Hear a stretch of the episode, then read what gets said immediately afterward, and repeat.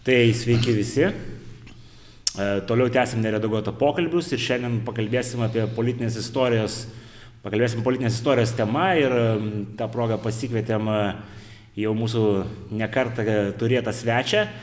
Tiesa, prieš tai dar noriu priminti, kad e, toliau tęsiasi mūsų iš ankstinė narystė 2021 metam ir visi, kurie nori prenumeruoti tiesiogiai be Patreono, gali rašyti mums žinutės per Facebooką, Instagramą, per Patreoną ir visi užsisakę narystę gaus, kaip sakoma, podelį dovanų su neredaguota atributika. Nu, o dabar grįžtam prie mūsų svečio, tai sveiki įmantai. Labadiena. Seniai matytas, jau šiek tiek pasilgom. tai pabandysim e, šiandien pasišnekėti temą, kurią dar nešnekėjom, e, bet kuri matyti šiek tiek susišaukė su mūsų anksčiau jau e, narplėtom temom. Tai pabandysim pasišnekėti apie arabų pavasarį ir kas tai per reiškinys, kodėl vyko, kokios pasiekmes, e, žiūrint iš perspektyvos. Tai galbūt tada pirmas klausimas būtų toks, e, pristatant žiūrovom tematiką, kas ten nutiko viduriniuose rytuose, kad e, gimė tokia kibirkštis ir prasidėjo šitas arabų pavasaris. Nu, turbūt pirmiausia reikėtų pastebėti, kad arabų pavasario savoka, jinai greičiausiai buvo sugalvota žurnalistų, e, norint apibūdinti reiškinių visumą, kurie apėmė panašių metų skirtingas arabų šalis. Bet iš tikrųjų, e, kaip vientisas reiškinys, e, arabų pavasaris yra sunkiai apčiopiamas, nes labai skiriasi valstybės pagal savo įsivystimo, westernizavimo lygį, e, kuriuose jis vyko. Labai skiriasi, sakykime taip, uždaviniai, kuriuos kėlė savo e, tie pilietiniai aktyvistai, ar kaip juos pavadintume, kurie ir e, buvo šio reiškinio motoras. Ir jo labiau labai skirtingi išėjo rezultatai. E, galima būtų suprasti, jeigu visa tai būtų koordinuojama iš daug maž bendro centro, iš bent jau ideologiškai kažkokios e, monolitinės grupuotės, kuri įsikūrusi vienoje ar kitoje arabų valstybėje, galbūt ir ne arabų. Tačiau e, šito taip pat nematyti Nes e, labiausiai tikėtinas tokiu atveju reiškinys būtų ir jisai būtų, arabo pavasaris būtų paaiškintas, jeigu jo bendras vardiklis būtų pavyzdžiui arabų nacionalizmas. Ar tai bendros valstybės sukūrimas, ar kažkas panašaus, bet nieko panašaus e, tuo metu mes neregėjom. Ir čia gal kaip tautinį išsivadavimą prilygina tas vienių pavadinimas, arabų pavasaris, matyt, kažkiek. Tautinis tai... įsivadavimas irgi nelabai kaip ir tiktų, nes praktiškai visos valstybės, visos šalis, kuriuose vyko tas pavasaris, jos jau senokai yra nepriklausomos. Jos nėra kažkokių tenai Europos ar kitų valstybių kolonijos. Tai gal demokratijos tada vadina ta prizmė. Taip. Tai mes ir ateinam prie to artimiausio, sakykime, įmanomai užčiopiamo, reiškia, pagrindinio klausimo, kuris galėjo būti aktualus beveik visur - demokratija. Bet ir vėlgi, tas poreikis demokratijos skirtingose visuomenėse nėra vienodas. Jeigu labiau westernizuotose šalyse buvimas kažkokios autoritarinės valdžios suvokiamas e, panašiai kaip ir vakarų pasaulyje, tai tuose arabų šalyse, kurios, sakykime, daugiau prisilaiko tradicinės politinės kultūros, tradicinės šitam regionui, e, tenai to paties mes pasakyti negalėtume. Paprastai ten reikalavimai būdavo socialinio pobūdžio, Jeigu, sakykime, valstybė yra turtinga, e, naftos ir kitų žemės gelmių turtų. Tai paprastai liaudis reikalaudavo iš vadovų, kad būtų šiek tiek tie turtai perdalinti. Socialinio teisingumo. Taip, čia daugiau tokio socialinio teisingumo, bet nesakyčiau socialinio egoizmo elementai.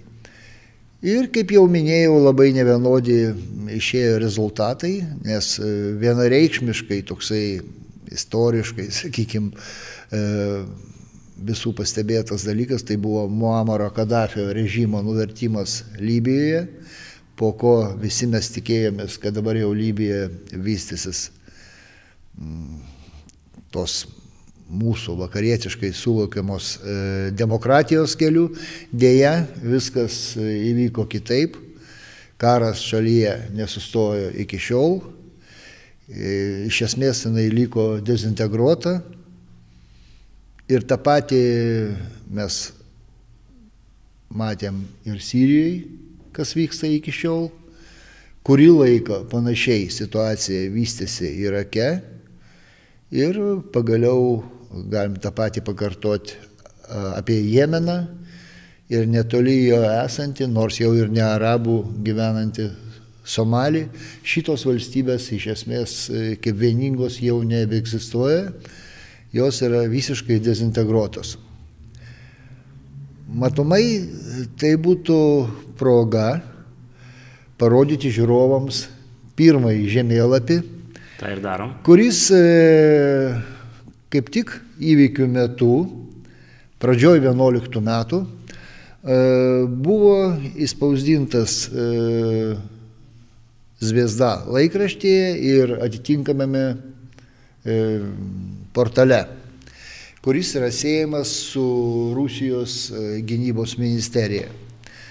Tenai buvo pavaizduotas arabų šalis ir e,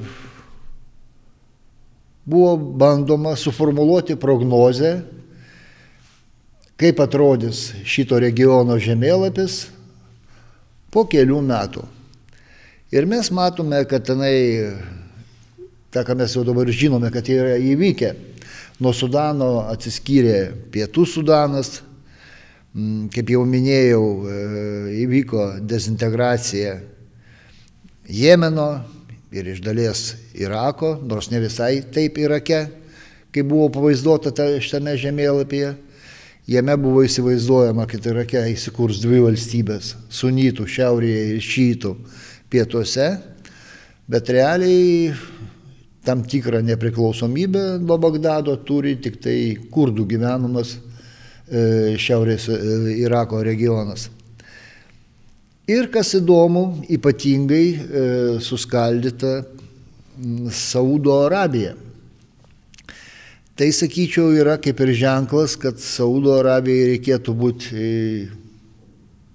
labiausiai pasiruošusiai e, visokioms e, staiga ne iš jo, ne iš to kilusioms revoliucijoms.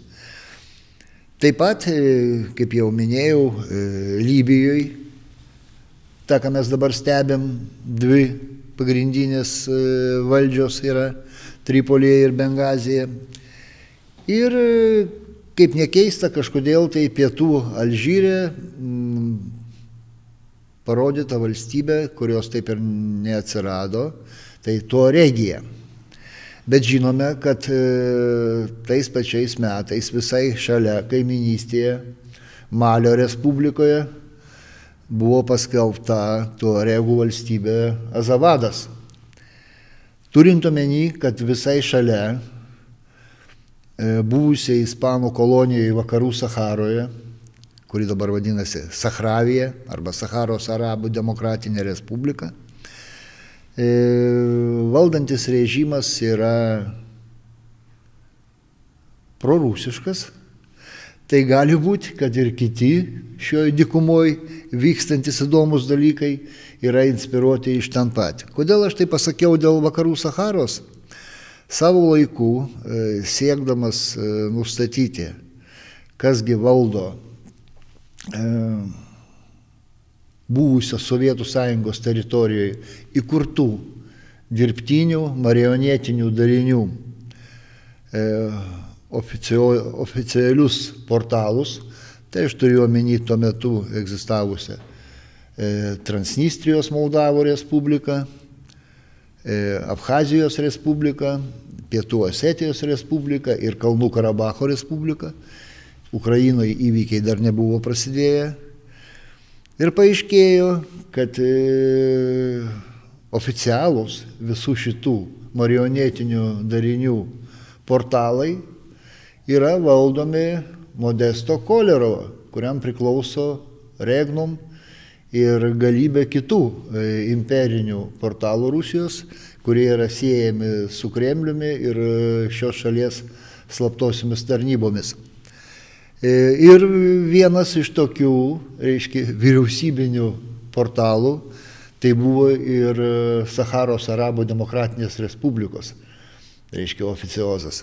Tai jeigu teisingai tai bu... suprantu, e, tų valstybių, asmenų, jos galbūt statuso pilnai valstybių neturėjo tarptautiniai arenoje, bet jų oficialius valstybinius puslapius valdė kažkas iš Kremliaus. Taip, per, nu, skaitėsi, kad ne visai iš Kremliaus, nes, nu, liktai Modestas Kolerovas yra privatus asmuo, mhm. tačiau manau, kad e, medžiagos pamastymams jau vien iš to turėtų užtekti. O čia tarp dar klausimas apie tą zviesdą, kur minėjote. Kokio kalibro čia yra portalas, kodėl vat, kažkokia informacija viena ar kitokia tenais atsiranda ir vat, verta dėmesio yra gal trumpai. Čia, kaip sakiau, yra siejama su gynybos ministerija, bet e, pagrindinį dėmesį mes turėtume atkreipti ką kitą. E, paprastai kyla klausimas, o kodėl iš viso tokia medžiaga kuri pagal apibrėžimą turėtų būti slepiama, slapta, jeigu tai yra vienaip ar kitaip susiję, susiję su būsimų Kremliaus destruktyvių veiksmų tose valstybėse, reiškia, kažkokiais planais, tai turėtų niekas apie tai nežinoti įmanoma ilgiau. Nu taip atrodytų turėtų būti. Bet jau ne pirmą kartą pastebėjau, kad e, tarsi specialiai tokia medžiaga e, paprastai nepagrindiniuose leidiniuose, nepagrindiniuose portaluose, bet kažkur patalpinama, bet šalia jos visada būna gausybė išoriškai panašiai atrodančios feikinės informacijos. Kad e, žiūrovas arba skaitytojas pažiūrėjęs, nu, pasakytų, eilinį kartą kažkoks propagandos pliūpsnis, bet čia rimtai gal žiūrėti nereikėtų. Bet tai kam o, iš viso dėta tada? O jeigu kažkas, tokie vat e, niekadėjai kaip aš, vis dėlto atkreipia į tai dėmesį, tai oponentai visuomet gali pasakyti, nu tai jūs jau visai nerimtas veikėjas, nes visigi mato, kad čia atviro informacijai pateikta ir niekas čia rimtai nepriima. Ir reiškia, kad net ir tada, kad po kurio laiko šitie planai pradeda materializuotis, dar ilgą laiką reikia įrodinėti politikams arba ten, sakykime, tam tikrų struktūrų vadovams, kad tai yra rimta, kad tai yra tikra. Tai čia kaip e, maskuojantis įėjimas. Taip, čia toksai, sakyčiau, tai yra įėjimas skirtas budrumui užmigdyti, nuslopinti. Taip ir čia, pavyzdžiui, kalbant apie konkretų šitą Zvezdos žemėlapį, nes, kaip jau minėjom, matom, kad yra dezintegruojamos kol kas tik tai žemėlapėje, ne tik tai tokios valstybės, kurios yra Rusijai, sakykime, beveik priešiškos kaip Saudo Arabija, bet ir, pavyzdžiui, Alžyras, kuris yra sąjungininkas. Ir kalbant apie tą, daleiskim, vakarų Saharą, tai kaip ir Rusijos e, politikos šitame regione laidininkas, tarpininkas. Tai vėlgi padaroma, kad štai čia pripaišyta vis visiems. Ir vieniems, ir geriems, ir blogiems, o jau kaip gavosi, taip gavosi. Tačiau manau, kad e, atradus tam tikrą algoritmą ir išmokus e, tokią informaciją skaityti, iš jos galima pasisemti daug vertingų dalykų. Nes mes dar esam kalbėję ankstesnėse laidose, jūs minėjot, kad tam tikras tikslas tokių publikacijų yra formuoti naratyvą ir žmonės pratinti prie kažkokios informacijos, kuri vat, bus norima materializuoti. Bet čia, kaip suprantu, nėra ši, šita, šitas tikslas. Nu, jūs ten minėjote, pavyzdžiui, su Klaipėdos krašto, ten tais apie Lietuvą šnekėjom, ten padalinimais visokiais ir panašiai.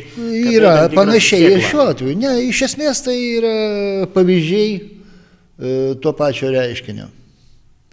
Tiesiog e, kol kas e, jiems tai sekasi, tai dirba ir jie kartuoja dar ir dar kartą. Kol mes pagaliau ne, neįprasim reaguoti e, adekvačiai ir operatyviai į tokio pobūdžio nerimtus dalykus, kabutėse. Supratau, tai tada galbūt pereikime konkrečiau prie, prie tų valstybių. Kaip jau minėjom, prasidėjo viskas nuo Tuniso, jūs čia paminėjot e, tas valstybės e, Libija ir Sirija kaip tokias, kur drastiškiausi karo veiksmai. E, tai gal tada pradžiai dar klausimas būtų toks. E, tie visi perversmai, kurie vyko, kai kur ten buvo naudojama žodžiu ir jėga, Ar čia yra spontaniškos jėgos viduj, ar čia yra kažkokia pagalba iš išorės, kaip va, tokie judėjimai įgauna va, tas visas formas karinės? Kaip jau minėjau pačioj pradžioj, mm, atrodytų, kad tie įvykiai skirtingose arabų šalyse apskritai tarpusavai nėra susiję, tačiau mes niekur negalim pabėgti nuo chronologijos. Nes tai iš tikrųjų prasidėjo net ne 11 metų pradžioje, o pačioje pabaigoje 10 metų, gruodžio mėnesį. Ir paskui tarsi estafetė persimesdavo iš vienos šalies į kitą. E, visgi tokiais atvejais norėtų, norėtųsi surasti, kaip jau minėjau, jeigu nėra bendros ideologijos, o jos nėra, tose visose sukilimuose, reušėse ir panašiai. Nu, viena tai, buvo, kad tai vyko per socialinius tinklus, dėl to greitai pavyko mobilizuoti visame minės. Jungiamasis bruožas buvo. Na nu, taip, čia daugiau techninis, yeah. bet jisai ne, ne ideologinis. Tai kyla klausimas, e, tai kokios čia jėgos galbūt e, kažkokios išorinės, užsienio jėgos. Nu vis dėlto gal aš ir per geros nuomonės apie mūsų vakarų pasaulį, bet manau, kad tikrai, kad e,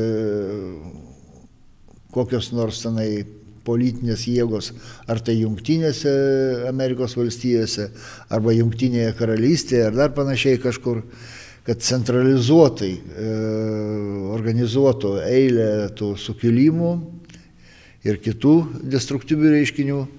E, ne, aš tai atmetu, tiesiog tai negalėjo būti. Tai lieka tik tai jėgos, kurios, sakykime, netokios skrupulingos šiuo klausimu. Pirmiausia, vėlgi ta pati Rusija. Nes, pavyzdžiui, jūs paminėjote Tunisą. Nu taip, turėjo vadovas pasitraukti, Bet e, kuo galiausiai e, viskas baigėsi, kaip žinia, tą maištą rėmė vietiniai komunistai, bet galiausiai e, laimėjo islamistai. Tai tikrai Tunisas, kuris buvo viena iš labiausiai mm, westernizuotų arabų šalių, pasistumėjo ne į priekį, o atgal. Tai panašių dalykų mes galime pamatyti ir jau, jau minėjom tą pačią Libiją, kur tikėtasi buvo kažko kito, bet turim tik tai mm, karą ir kraują. Kažko buvo tikėtasi iš Sudano, kur tikrai irgi vadovas užsėdėjo ilgą laiką, bet e, taip jisai galiausiai liko nuverstas, bet tai įvyko tik tai pernai Tai sunku susijęti su arabų pavasariu. Lygiai kaip šioje vietoje šalia Muamaro Kadafio nuvertimo prašytųsi paminėti Sadamo Huseino nuvertimas Irake įvykęs žymiai anksčiau. Bet šioje vietoje pabrėžti reikia žodžius būtent žymiai anksčiau.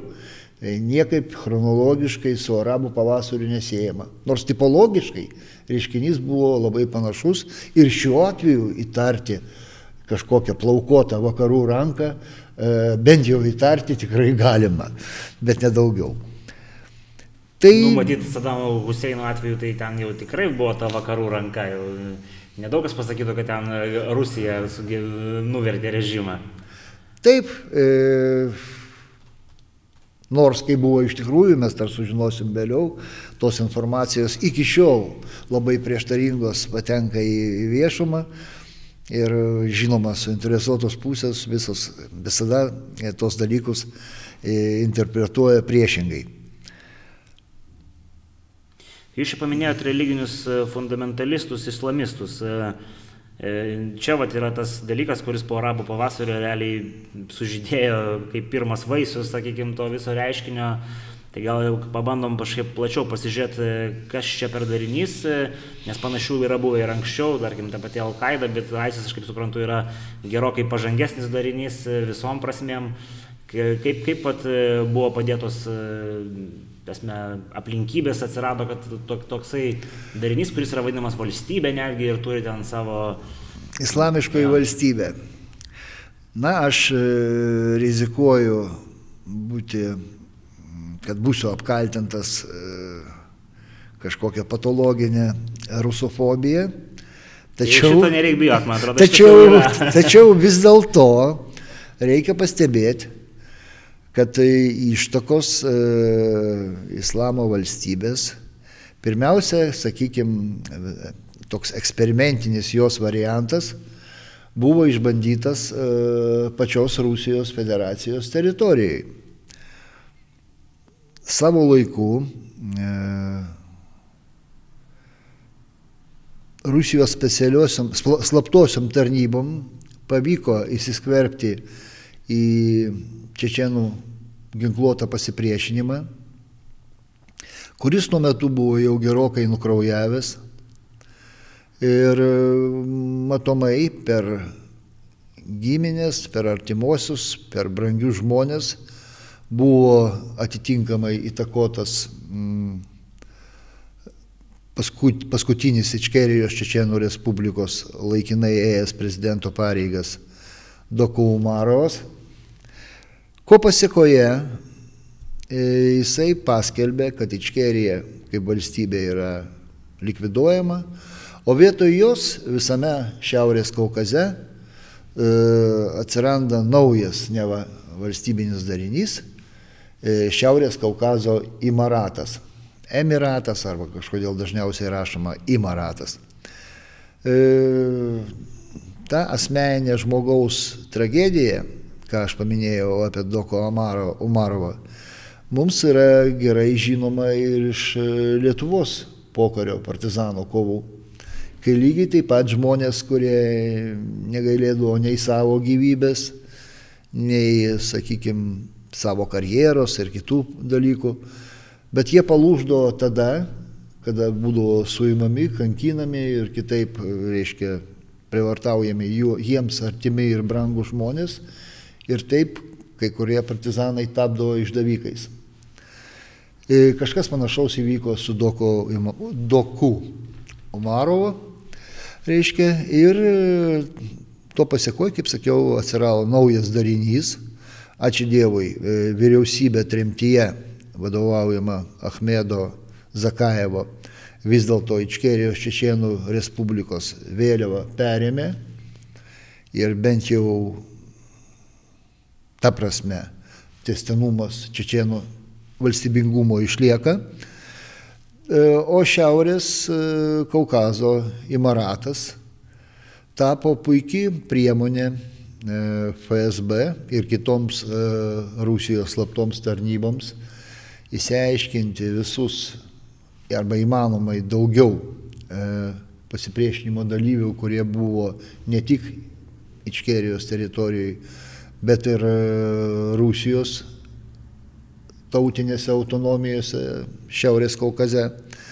Ilgainiui tas darinys kaip ir nustojo egzistavęs, paprasčiausia žmonės, kurie stojo po jo vėliavom, vienas po kito žuvo. Bet kai kurios iš jų, kurie buvo pasižymėję, sakykime, kaip veikėjai Šiaurės Kaukazo Emirato, paskui atsiranda artimuose rytuose vadinamoje islamo valstybėje, tame tarpe ir išeiviai iš Kaukazo. E, tai leidžia mums e, manyti, kad tai yra to paties projekto tolimesnė tasa, tik tai Šiaurės Kaukaze tai buvo kažkas panašaus į eksperimentinius bandymus, o artimuose rytuose jau biški rimčiau.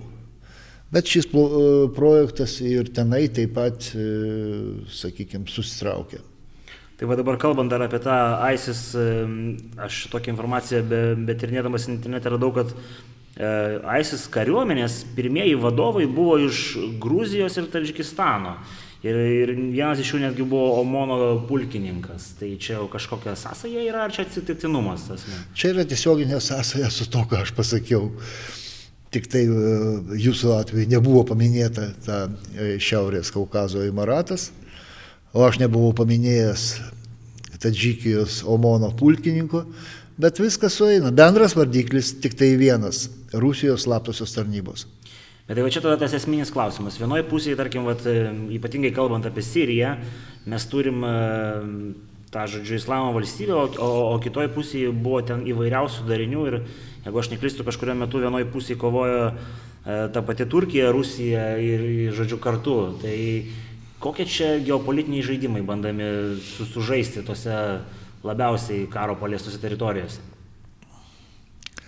Turkijos interesai smarkiai skiriasi nuo Rusijos interesų. Jeigu kažkuriuo metu, kažkurioje vietoje mm, priešininkais yra įvardinami tie patys, sakykime, tos pačios kažkokios organizacijos ar kovinės grupės, tai dar savaime nieko nereiškia. Nes... Čia gal aš biškai sumaišiau, nes aš dar pasižiūrėjau į užrašus vienu metu buvo Asadas, Rusija, Iranas ir Hezbollah susimetę į krūvą, tai Turkijos nebuvo. A, šiuo, atveju, šiuo atveju būtų suprantamiau. Taip, e, Iranas, būdamas e, jau ne visiškai, tai labai smarkiai izoliuotas, e, iškai, dėl žinomų priežasčių, jisai labai m, mm, vertina bet kokią, e, sakykime, paramą arba bendradarbiavimą su juo, kuri išeina iš kitos pusės.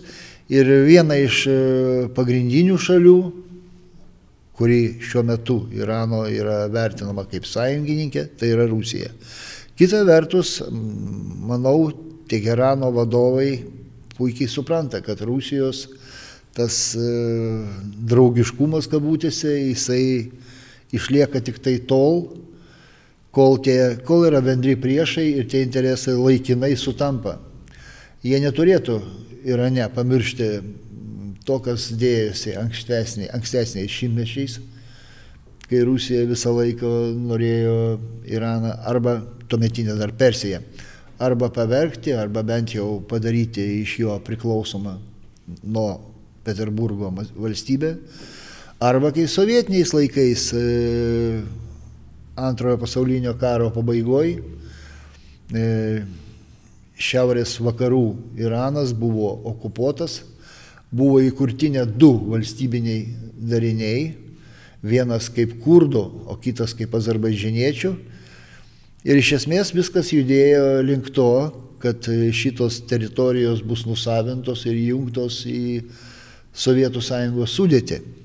Ir tik tai ryštinga e, vakarų valstybių pozicija tuo metu e, leido išsaugoti Irano teritorinį vientisumą. Tai tikiuosi šito Teherane nepamiršo, tačiau tam tikrai, tam tikrai žaidimai įvyksta ir dar yra viena nedidelė valstybė, kuri vėlgi labai draugauja ir su Rusija, ir su Iranu, ir kuris su viena iš jų, o būtent su Iranu ribojasi, tai Armenija. Jo, tai Armenija. Tai grįžtant, Aha. atsiprašau, prie artimųjų rytų, Aha. tai jūsų paminėta Hezbollah, Net, nors tai... Nes aš kodėl noriu pasakyti, čia yra, vienoje pusėje mes turim teroristinės e, organizacijas, kitoje pusėje turim, nu, nes toje pačioje pusėje, bet e, darinyje turim Iraną, kuris nu, pakankamai aiškiai su, suvokiamas yra vakarų pasaulyje kaip priešininkas. Ir turim Rusiją, kuri, tarkim, daliai Europos yra ala strateginis partneris. Tai kaip pat sugrumulotos visus dalykus viename, va čia, čia yra tas didysis klausimas. E, šitos organizacijos tokios kaip Hezbollah arba kaip uh, Hamas veikianti Palestinoje, tai daugiausiai yra arabų tautybės žmonių organizacijos, taip jos yra religinių fanatikų ir pagal tam tikrus po, požymius teroristinės organizacijos, bet Rusijoje kaip po tokios jos nėra suvokiamos jos atstovai e, periodiškai būna sutinkami aukščiausių lygių. Mm, tai leidžia manyti, kad e, vienas dalykas Rusija mato tam tikrą antivakarietišką ir antidemokratinį potencialą e, tų organizacijų ir jų atstovų tarpe, o kita vertus gali būti, kad ir šitos organizacijos tiesiogiai tam tikrą prasme yra pavaldžios Rusijai, bent jau gauna iš jos finansavimą ir taip toliau. Kalbant konkrečiai apie Hezbollah, tai pirmiausia vis dėlto yra Irano finansuojama organizacija. Tai yra pagrindinis e, Irano įrankis arabų šalyse, labiausiai įsitvirtinęs e, Libane, bet bandoma tą jo įtaką plėsti ir į Saudo Arabiją, ir į toj pačioj Sirijoje, Irake ir panašiai. Tai, kaip minėjau, e, nėra savarankiškos jėgos, dėja, e, nestokoja nei lėšų, nei kitų resursų. Ir todėl, pavyzdžiui, Libane Hezbollah rankose atsidūrė didelė dalis ir socialinės sferos, medicinos įstaigų, švietimo įstaigų, viskas. Ir tai kelia grėsmę e, šios valstybės e, ateityje egzistavimui kaip vieningai valstybei. Tai va, dar paminėjot finansus, kaip tik norėjau klausti. Vat, e, nepaslaptis matyt, kad nu, vėlgi įmant tą pačią Siriją, kaip pavyzdį, tie kariniai veiksmai, kurie ten vyksta, tai, nu, tarkim, kokia Turkija, kodėl yra pajėgi kovoti, mums aišku, bet kaip va, tokia valstybė kaip ISIS, E, iš kur ateina jos finansai. Vat aš besiruošdamas epizodui šiek tiek žiūrėjau, tai ten yra spekulacijų, kad jie neva prekiauja ten e, nafta nelegaliai, žodžiu. Ar čia tas vienintelis šaltinis, ar, ar čia yra dar kažkokie kiti šaltiniai, kurie maitina tokią, tokią veiklą? Tam, tam, kad jie galėtų nelegaliai e, prekiauti naftą, jie turėjo užimti tam tikras verslovės. O tam, kad jie galėtų jas užimti, jie turėtų jau turėti tam tikros e, karinės galios, kitaip sakant, e, ginklų ir visų kitų technikos karinės ir panašiai. E, žodžiu, tų verslovių užėmimas nėra pradžia jų finansinio nepriklausomumo, atvirkščiai tai yra pasiekmė, o pradžia vėlgi tai kažkas finansavo.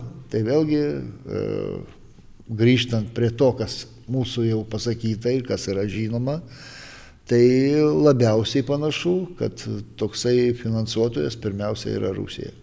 Nes dar bežiūrint be, be, to šaltinius, ten buvo kalbama, kad yra vergų priekyba, yra tenais e, mokesčiai surinkami iš užimamų miestų, bet vat, kaip jūs teisingai pasakėte, tai nėra pirminio starto pinigai, tu negali ne vergais prekiauti, neturėdamas ne... ne po to galima vardinti visokius ten dalykus, bet kaip matom, tai viskas e, priartėjo prie nulio.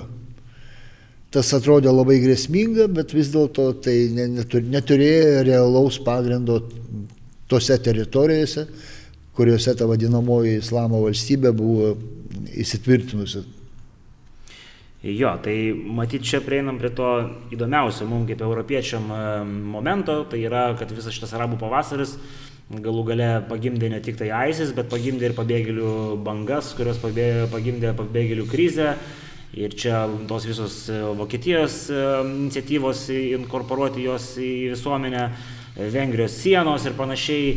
Vėlgi, čia žvelgiant iš tą reiškinį, jeigu taip žiūrint iš kažkokių nedraugiškų Europai valstybių, tai yra puikus dezintegracijos įrankis. Ar čia jau labai spekuliatyvi sąmokslo teorija? Čia visai nespekuliatyvi čia jūs prieėjote kaip tik prie, sakykime, vos ne pagrindinio, pagrindinės temos mūsų šiandienos pokalbio. Taip, būtent, jau mes pradėjom pokalbį, kad štai liktai nėra nei to tautinio pagrindo e, bendro arabų pavasariui. Nu, jis galėtų būti, nes visi arabai. Bet, nu, ne, bet nebuvo. Ir net to religinio nebuvo irgi, nes tenai, jeigu vienoje ar kitoje valstybei po to ateidavo į valdžią religiniai fanatikai, tai vėlgi nebuvo nei tuo pačiu metu įvykęs reiškinys, nei kaip nors tarpusavai sukoordinuotas. Tai vis dėlto labiau priklausė nuo to, kad štai ta valstybė yra labiau atsilikusi, ten daugiau tų žmonių, mažiau raštingų, viskas ir todėl tokios, sakykime, arhaiškos idėjos e, ten turėdavo paklausą. Tai ir iš pradžių liktai mes ir palikome tą klausimą neatsakytą. Nu tai nėra to bendro vardiklio. Tai kas tas pereiškinys toksai, jeigu kuris e, visiškai, kaip sakoma, iš padrikų dalykų susidaro. Tai bendras vardiklis, kurį galima vis dėlto žiūrėti. Ir vėlgi, neminėsiu eilinį kartą, nes jau atsibodo tą pačią valstybę, jos pavadinimą kuriai tai naudinga, e, bet kokia suirutė arabų pasaulyje, šiuo atveju ypatingai pirmiausia tose valstybėse, kurios e, arba yra Šiaurės Afrikoje, arba kad ir e, artimuose rytuose, bet tiesiogiai išeina į viduržymę jūrą, tai galimybė sukurti pabėgėlių bangas. Nes po kiekvieno eilinio kraujo praleimo, po kažkokių tenai kylančių sukilimų, neaišku kieno, paskui atitinkamai tos e, neva teisėtos valdžios represijos, atsakomieji veiksmai ir taip toliau, kiekvieną kartą tai pagimdo šimtus tūkstančių žmonių, e, pagimdo tą prasme, paverčia juos pabėgėliais. Jie veržiasi per viduržymio jūrą į pietų Europos šalis. O ką tai duoda, kokį rezultatą? Tai duoda rezultatą, kad jeigu rytoj, sakykime, kiltų karinis sudūrimas tarp Rusijos ir vakarų pasaulio, nesvarbu, ar tai bus suvalkų koridoriuje, kur yra noras paskai, paskai ką sujungti Kaliningrado sritį su Gudija, arba kitoj kažkurioj panašioj vietoj. Tai e, tam, kad e, bendras veikimas e, vakarų valstybių būtų sutrukdytas, plūstels pabėgėliai ir tada pietų, valstybės, pietų Europos valstybės kurios ir taip, sakykime, nelabai norėtų kai kurios vykdyti, vykdyti savo įsipareigojimus pagal NATO sutarties penktą straipsnį. Joms atsiranda pretekstas, kad palaukit, va pas mus čia šimtai tūkstančių skęsta, reiškia, prie krantų mūsų ir nežinom, ką toliau daryti ir juos reikia kažkaip priimti arba nepriimti ir vėlgi tenai visokios spekulacijos. Ir mes negalim tiesiog e, šiuo metu atsiliepti. Kitaip sakant, tai būtų paliekama arba pačiom rytų Europos šalim, kurios yra naujos narės NATO, ir jų pagrindiniam, pagrindiniams sąjungininkams, anglosaksams. Iš esmės, tai būtų ne vien tik tai tam kartui nuostolis, Tai reikštų e, euroatlantinės vienybės e, griovimą. Nes tai būtų labai rimtas pleištas į tą vienybę. Reiškia. Tai šitą visada reikia turėti omeny. Žinoma, mažiausiai ten tiems strategams Kremliuje rūpėtų šitų arabų, berberų, kitų musulmonų likimas. Tai būtų panaudojama kaip priemonė. Priemonė ir todėl šioje vietoje tinka jiems visos valstybės - respublikos ir monarchijos arabų, ir tos, kurios buvo tarsi provokarietiškos, ir tos, kurios uh, arhaiškos, ir tos, kurios net yra kaip ir nuo sovietinių laikų Maskvos pakankamai prižiūrimos ir kontroliuojamos, šventam bendram reikalui būtų paukotos visos. Tai čia tada jau natūraliai kyla noras paklausti, kodėl tada mes turim tokią laikyseną iš tų pagrindinių ES valstybių, turiuomenį Vokietijos ir Prancūzijos, tokią labai neutralę, sakykime, tiek Rusijos ar netgi draugišką atžvilgių, tiek, tiek pabėgėlių klausimų. Ko, ko, ko konkrečiai geopolitiškai, kokia nauda šitom dviem valstybėm iš tokio viso konteksto, apie kurį mes čia apšnekėjome? Geopo, jeigu mes šnekėsim apie pabėgėlius, tai galima sakyti, kad tai yra tam tikra rasizmo forma. Žinoma, to nepripažįstama, tačiau iš esmės e, pataikaujama miesčionėms, kurie tiesiog nenori, sakykime, skirti daugiau lėšų ir tiem pabėgėlių išlaikymui ir e, jų integravimui į priimančių šalių visuomenės.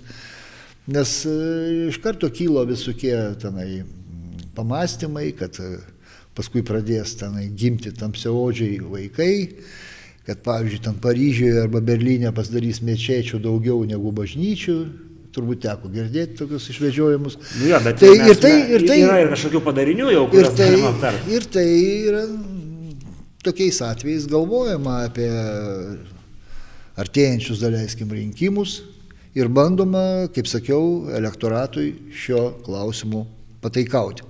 Bet jūs tai, turite omeny pataikauti, tai turite omeny, kad e, tie, tie imigrantai yra integruojami pataikauti stengiantis, ar jie yra stumiami? Stumiami. Nes e, matote. Bet vakar, vakarų Europos pas... elektoratas labai, sakyčiau, ne vienalytis. Yra tokie, kurie yra prieš migrantus, bet yra tas dalis leftistų, kurie galbūt e, labai norėtų daugiau imigrantų. E, kad norėtų, tokių nėra visai. Visi galbūt supranta, kad tai yra problema. Bet yra ir kitas dalykas. Per ilgus šimtmečius ypač paskutinius dešimtmečius po pirmo, o ypatingai po antro pasaulinio karo, e, vakarų civilizacija, reiškia, priejo prie to, kad buvo suformuoluoti tam tikri moraliniai ir, ir kiti baziniai principai, kaip privalome elgtis e, kritiniai situacijai.